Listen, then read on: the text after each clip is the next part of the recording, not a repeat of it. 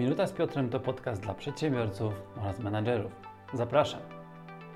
Siedem błędów w zarządzaniu. Jak zaczynałem y, swoją karierę zawodową, jeszcze nie biznesową, ale zawodową, 99 roku. Ja nie jestem stary, miałem 16 lat, poszedłem na, do pracy, kto jest z Katowic, ten będzie wiedział, na giełdzie towarowej w Katowicach, tak zwane załęże, za dzielnica. Ja tam handlowałem koszulkami, spodenkami, spodniami, po prostu w handlu się odnalazłem. No, domu się nie przelewało, więc trzeba było jakoś nie, żyć. To poszedłem do pracy, bo tak byłem nauczony z robotniczej rodziny. Mój dziadek był górnikiem, wiecie, wszyscy ciężko pracowali, to ja też poszedłem ciężko pracować. I co ciekawe, wtedy pracowałem u Wietnamczyków. Takie małżeństwo było. Oni mieli nawet polskie imiona, teraz nie pamiętam, chyba on miał Adam, a ta dziewczyna jakoś, znaczy oni nie mieli takich imion, ale sobie przyjęli polskie imiona, tak żeby było łatwiej się komunikować. I oni nawet byli spoko. Potem pracowałem u innego Wietnamczyka, on nawet był spoko. Ale potem poszedłem do polskiej firmy, nie? I się zaczęło, nie? Bo okazało się, że w polskiej firmie jest taki człowiek jak szef. A szef ma co? Zawsze rację. Zawsze rację! A, dzięki! Wiedziałem, jest doświadczony przedsiębiorca na sali. Szef ma zawsze rację. Szef ma zawsze... To było takie ciekawe zjawisko, bo szef miał zawsze rację. Potem poszedłem do innej polskiej firmy i tam też się okazało, że szef miał zawsze rację. I on był takim najważniejszym człowiekiem w firmie. Nie? On wiedział, jak to działa. Przecież on sam zaczynał. Krwawica, ciężka praca, nie, nieprzespane noce. Wiem coś o tym. Ja zaczynam od zera, więc jak ktoś, ktoś was zaczynał od zera, biznes w Polsce, to wiecie, jak to jest. Nie muszę o tym dużo opowiadać. No i on miał zawsze rację. Potem następna firma, następna firma, aż w której się znaczy zdenerwowałem się w pewnej firmie, bo ten mój, nawet nie szef, a kierownik, on miał zawsze rację, miał też humory. Jak miał dobry humor i przychodził do firmy, to obojętnie co by się spierdzieliło, to wszystko było ok, da się załatwić. Jak miał zły humor, to naprawdę mogłem w sprzedaży wykręcić nie wiadomo jaki wynik i zawsze było źle. Takie ciekawe zjawisko. No i jak sobie tak z nimi pracowałem, to potem, właśnie jak się wkurzyłem, założyłem swoją firmę. I po jakimś tam roku czy dwóch zacząłem zatrudniać ludzi. Najpierw pierwszego pracownika, wziąłem takiego stażystę, byłem na projekcie, takim unijnym, wtedy jeszcze, dzisiaj nie robię unijnych, więc nie pytajcie mnie o to, ale wtedy byłem na projekcie unijnym, taki młody chłopak, widzę, że ambitny, jak, jak to się mówiło w szkole, zdolny, ale, ale leń. Ja, no on był zdolny, ale leń. Myślałem, że ja go wezmę teraz do firmy i tu wiecie, ja? no to się okazało, że zdolny, ale leń. Ja? A ja próbując, znaczy mając wzorce z tych poprzednich firm, gdzie byłem pracownikiem, nauczyłem się od tych ludzi, jak się zarządza, próbowałem to stosować u siebie. No i na tym pierwszym to się nie sprawdziło. Po trzech miesiącach go wypierdzieliłem dosłownie, no bo nie dało się. Potem zatrudniłem następnego. Też się nie dało. Potem następnego. Nie, potem trzy osoby zatrudniłem. Też się nie dało. Mówię, ja pierdzielę, coś jest nie tak. Nie? Coś tu kurde nie działa. Nie? To, to tak nie może być. No i zacząłem się odkręcać. Zacząłem trochę zmieniać myślenie. Zacząłem szukać przyczyn moich problemów. I teraz już patrzę na to trochę inaczej, bo ten tam 13-14 lat mam firmę, więc patrzę na to inaczej, ale okazało się, że jest takich parę błędów. Ja dzisiaj wymieniłem tylko siedem. Pewnie, znaczy miałem dłuższą listę, nie? ale wiecie, w agendzie napisaliśmy siedem. Ja też mam tylko pół godziny, żeby było jasne. Nie mam tu żadnych, żadnych taryf ulgowych. Więc wypisałem siedem takich, które dzisiaj najczęściej widzę. A kiedy je widzę? Kiedy pracuję z przedsiębiorcami. W tej chwili mm, zakończamy pewien projekt, dowiecie się, co żeśmy zakończyli, ale w tej chwili na nowym projekcie będę miał jakieś 30 przedsiębiorców w stałej obsłudze przez rok.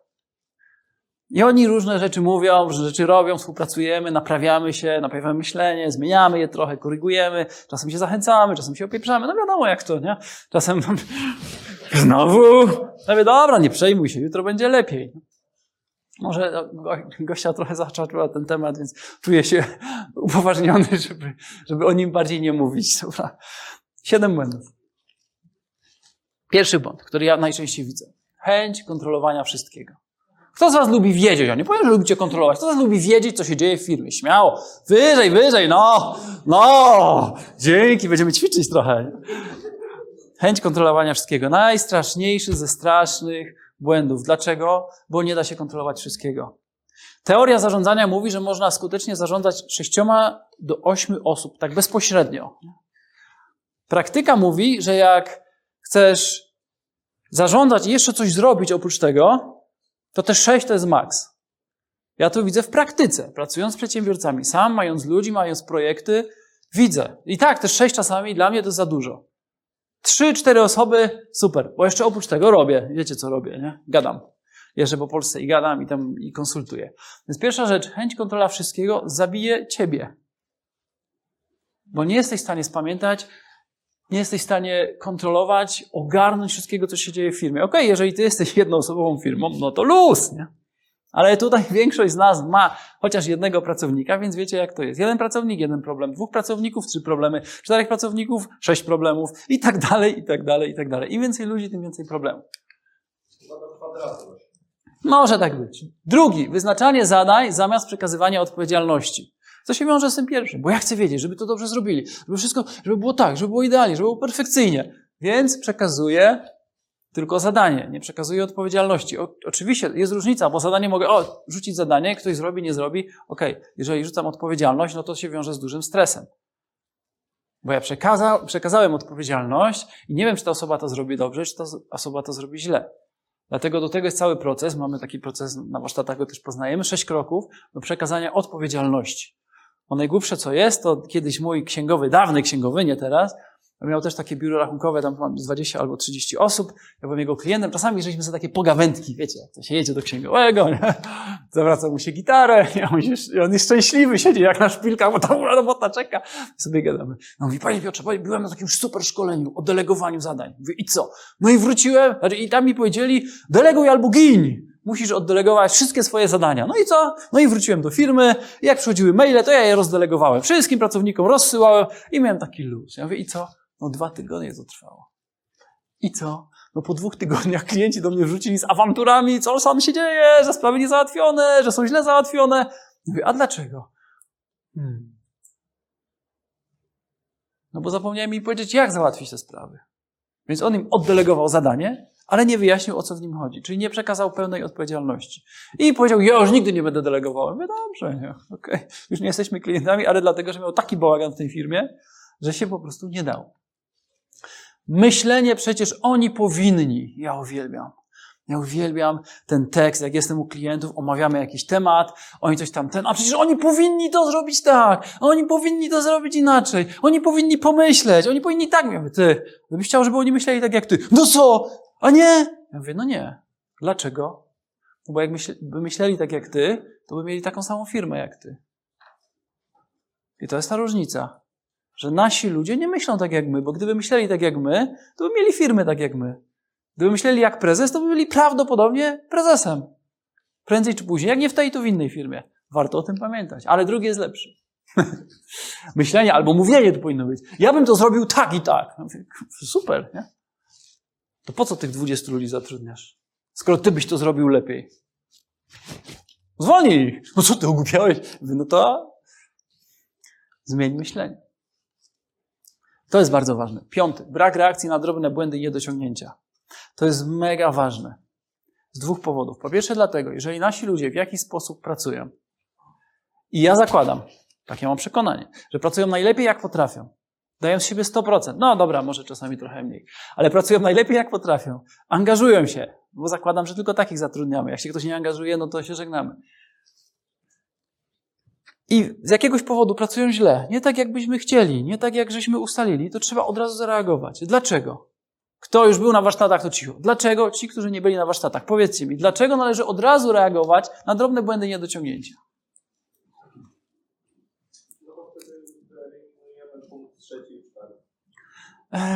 No też, ale dlaczego jeszcze? Nie ma reklamacji, nie ma poprawek i takich rzeczy. Tak, tak? Czyli możemy od razu wyeliminować błędy, ale dlaczego jeszcze? W kontekście. Tak, ale w kontekście naszych ludzi. Oni dają z siebie 100%, pracują najlepiej jak potrafią, w przekonaniu, że robią to najlepiej i dobrze. Więc naszym zadaniem jest wyprowadzić ich z tego przekonania i powiedzieć, ej, to nie do końca jest tak, jak powinno być, popraw to. Ja mam w ogóle challenge, bo tu Magda siedzi, nie? Która ogarnia biuro u nas, nie? Więc zaraz mnie zweryfikuje. Ale to jest mega ważne. Bo ludzie dają z siebie maksa, chcą jak najlepiej, ale czasami błądzą. Ja też czasami błądzę. Błądzę. Więc potrzebuję korekty. Ale to jest ważne też w kontekście następnego punktu. Bo jak na te drobne nie reagujemy, to one rosną, a w nas rosną emocje. I jak te emocje odpowiednio urosną, to co się dzieje? No powiedzcie, bo ja nie wiem. A, co się dzieje? No, napisałem do tu, nie? Emocjonalne wywody zamiast faktów. Każdemu z nas kiedyś ta żyłka pękła. Ale ulewanie sobie emocji na pracowników jest głupotą. I żeby było jasne, ja jestem cholerykiem, takim urodzonym, nie? Więc ja naprawdę muszę się kontrolować. Czasami. Ale jeżeli nie, nie dopilnuję tego, nie będę reagował na bieżąco, poprawiał, korygował, to w którymś momencie wybuchnę. I nasi ludzie zaczynają się obawiać popełniać błędów. To jest problematyczne, bo kiedy ludzie się obawiają popełnić błąd, to nasza firma się zatrzymuje. Nasz biznes nie będzie rósł, bo nasze firmy rosną poprzez to, że się uczymy rozwiązywać błędy, albo swoje, albo problemy klientów.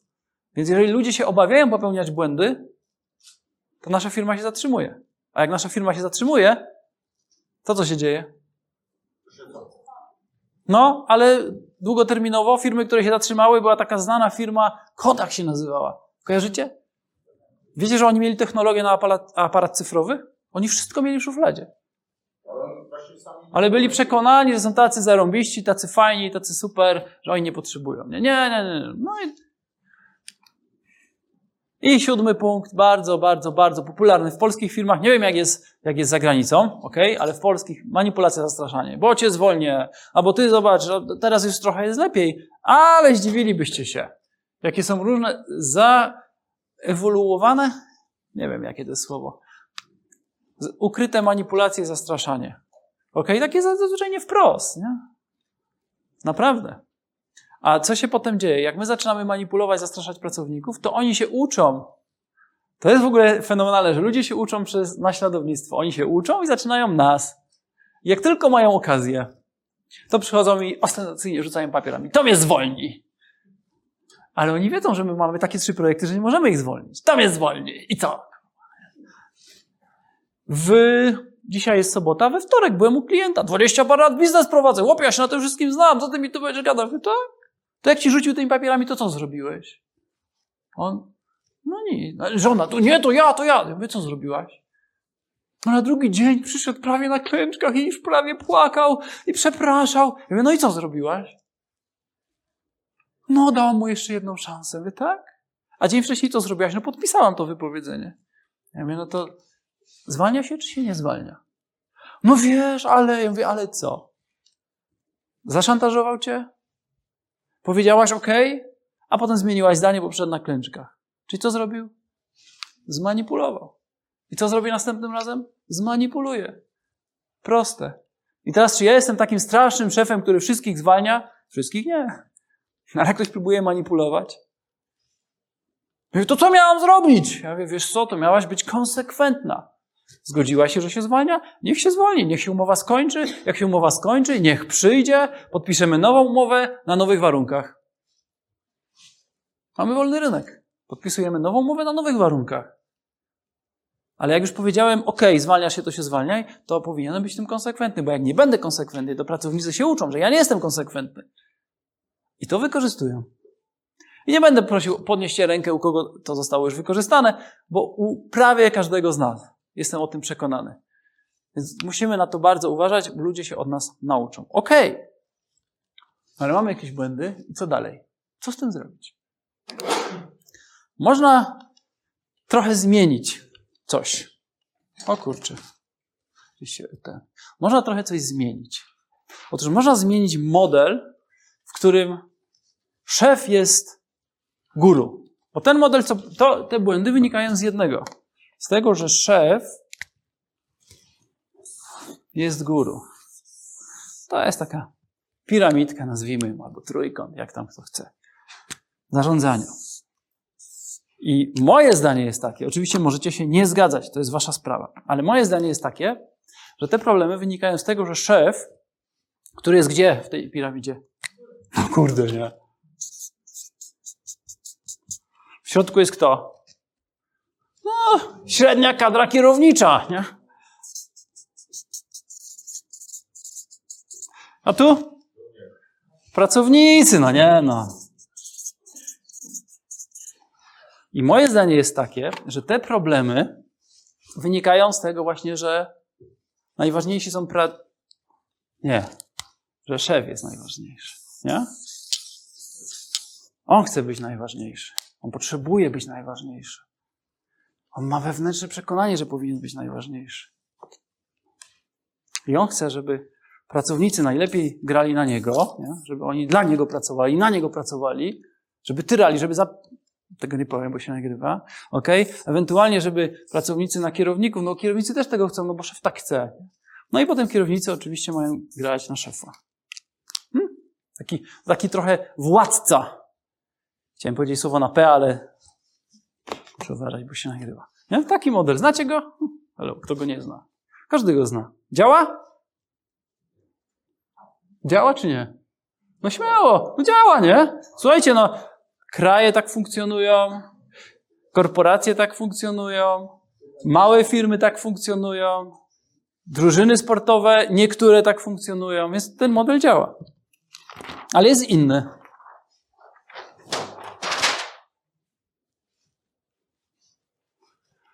To się nazywa budowanie ciekawości i zaangażowania. Chcę dodać tylko, że ten model działa, jeżeli szef dobrze ustawi kierownika. O!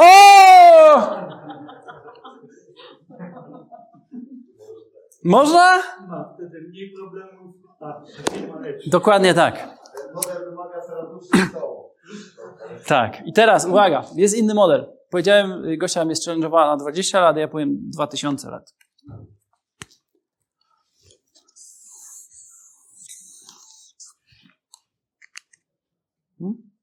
Stawiam model do góry nogami, choć jeden z moich kolegów powiedziałby, stawiam go wreszcie na nogi.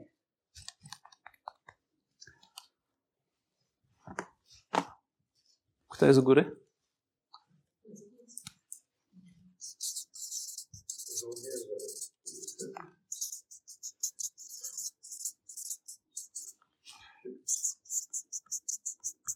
Okej.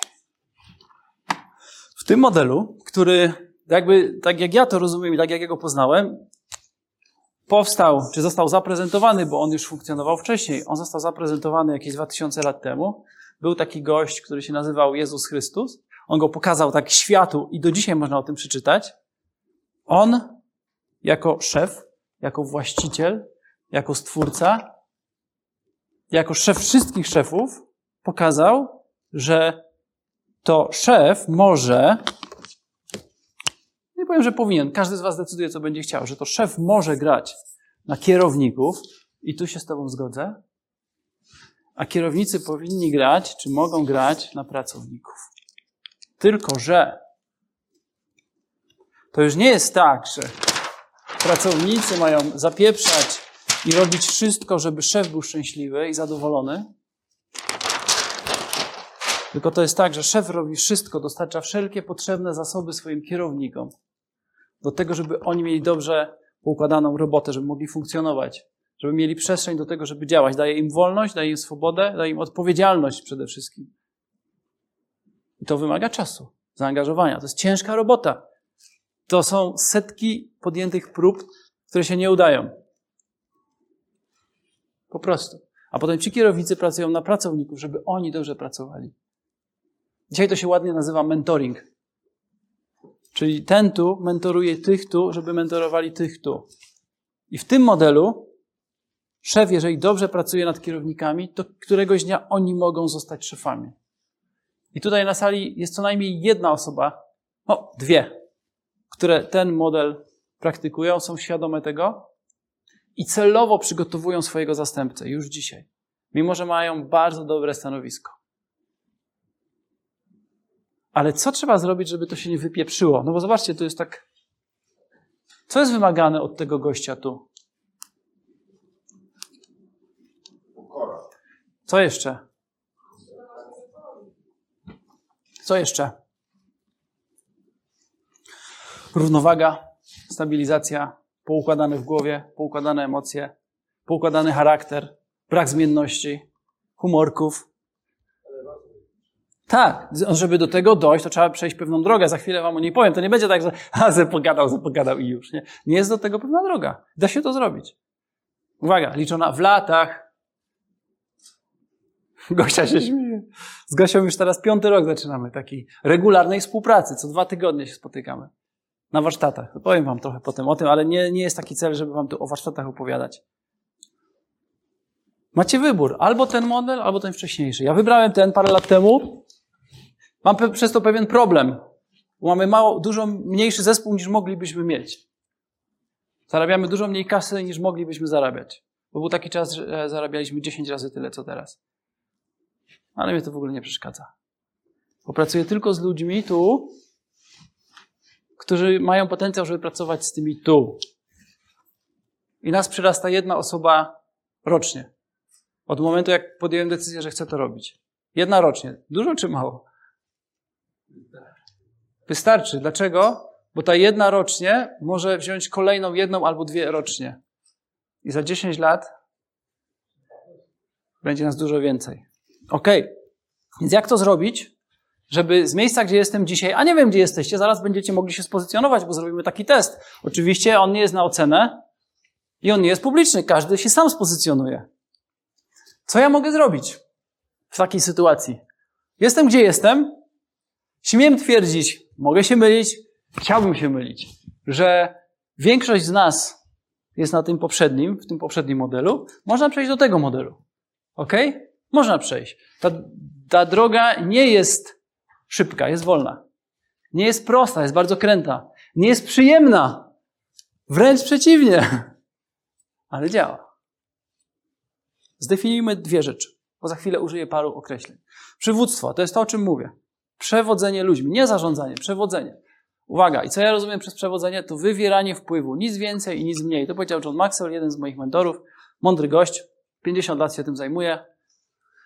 Dużo się od niego nauczyłem. Czyli przywództwo to wywieranie wpływu. Jeżeli mówisz do twoich pracowników, żeby coś zrobili, a oni to ro nie robią tego, albo robią to całkowicie inaczej, a potem mają jeszcze z tym problem, to raczej nie potrafisz wywierać wpływu.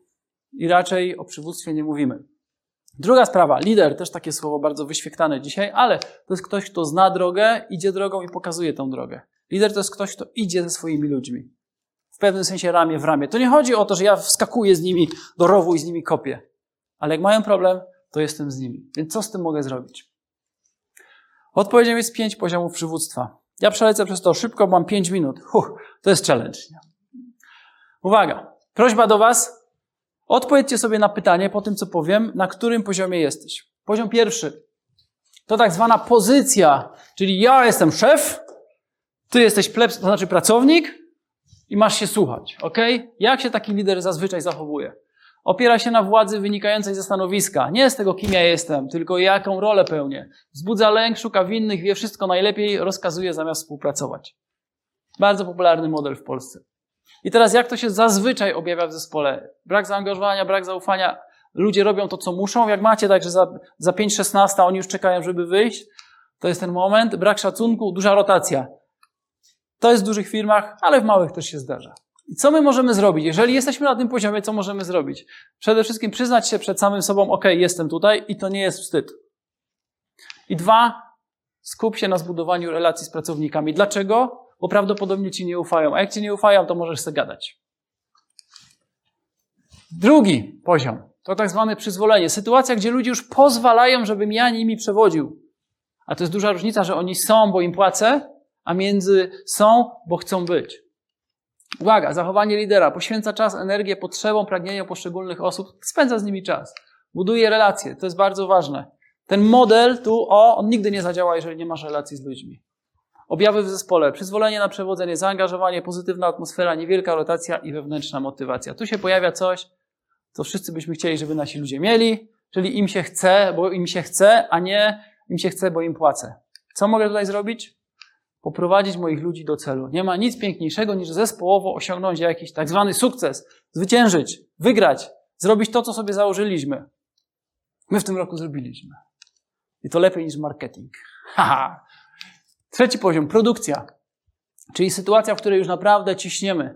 Co lider powinien robić? Pielęgnować relacje, pomagać członkom swojego zespołu osiągać cele, doceniać sukcesy, przepraszam, i je celebrować wraz z zespołem. Ja znam takich prezesów, przedsiębiorców, co sobie jadą na wakacje, żeby uczcić super wynik w firmie, ale na premię nie ma. Objawy w zespole na trzecim poziomie rośnie produktywność, rosną zyski, ludzie realizują cele, rośnie lojalność zespołu, wewnętrzna motywacja się wzmacnia. Ale to nie koniec, bo to jest dopiero trzeci z pięciu.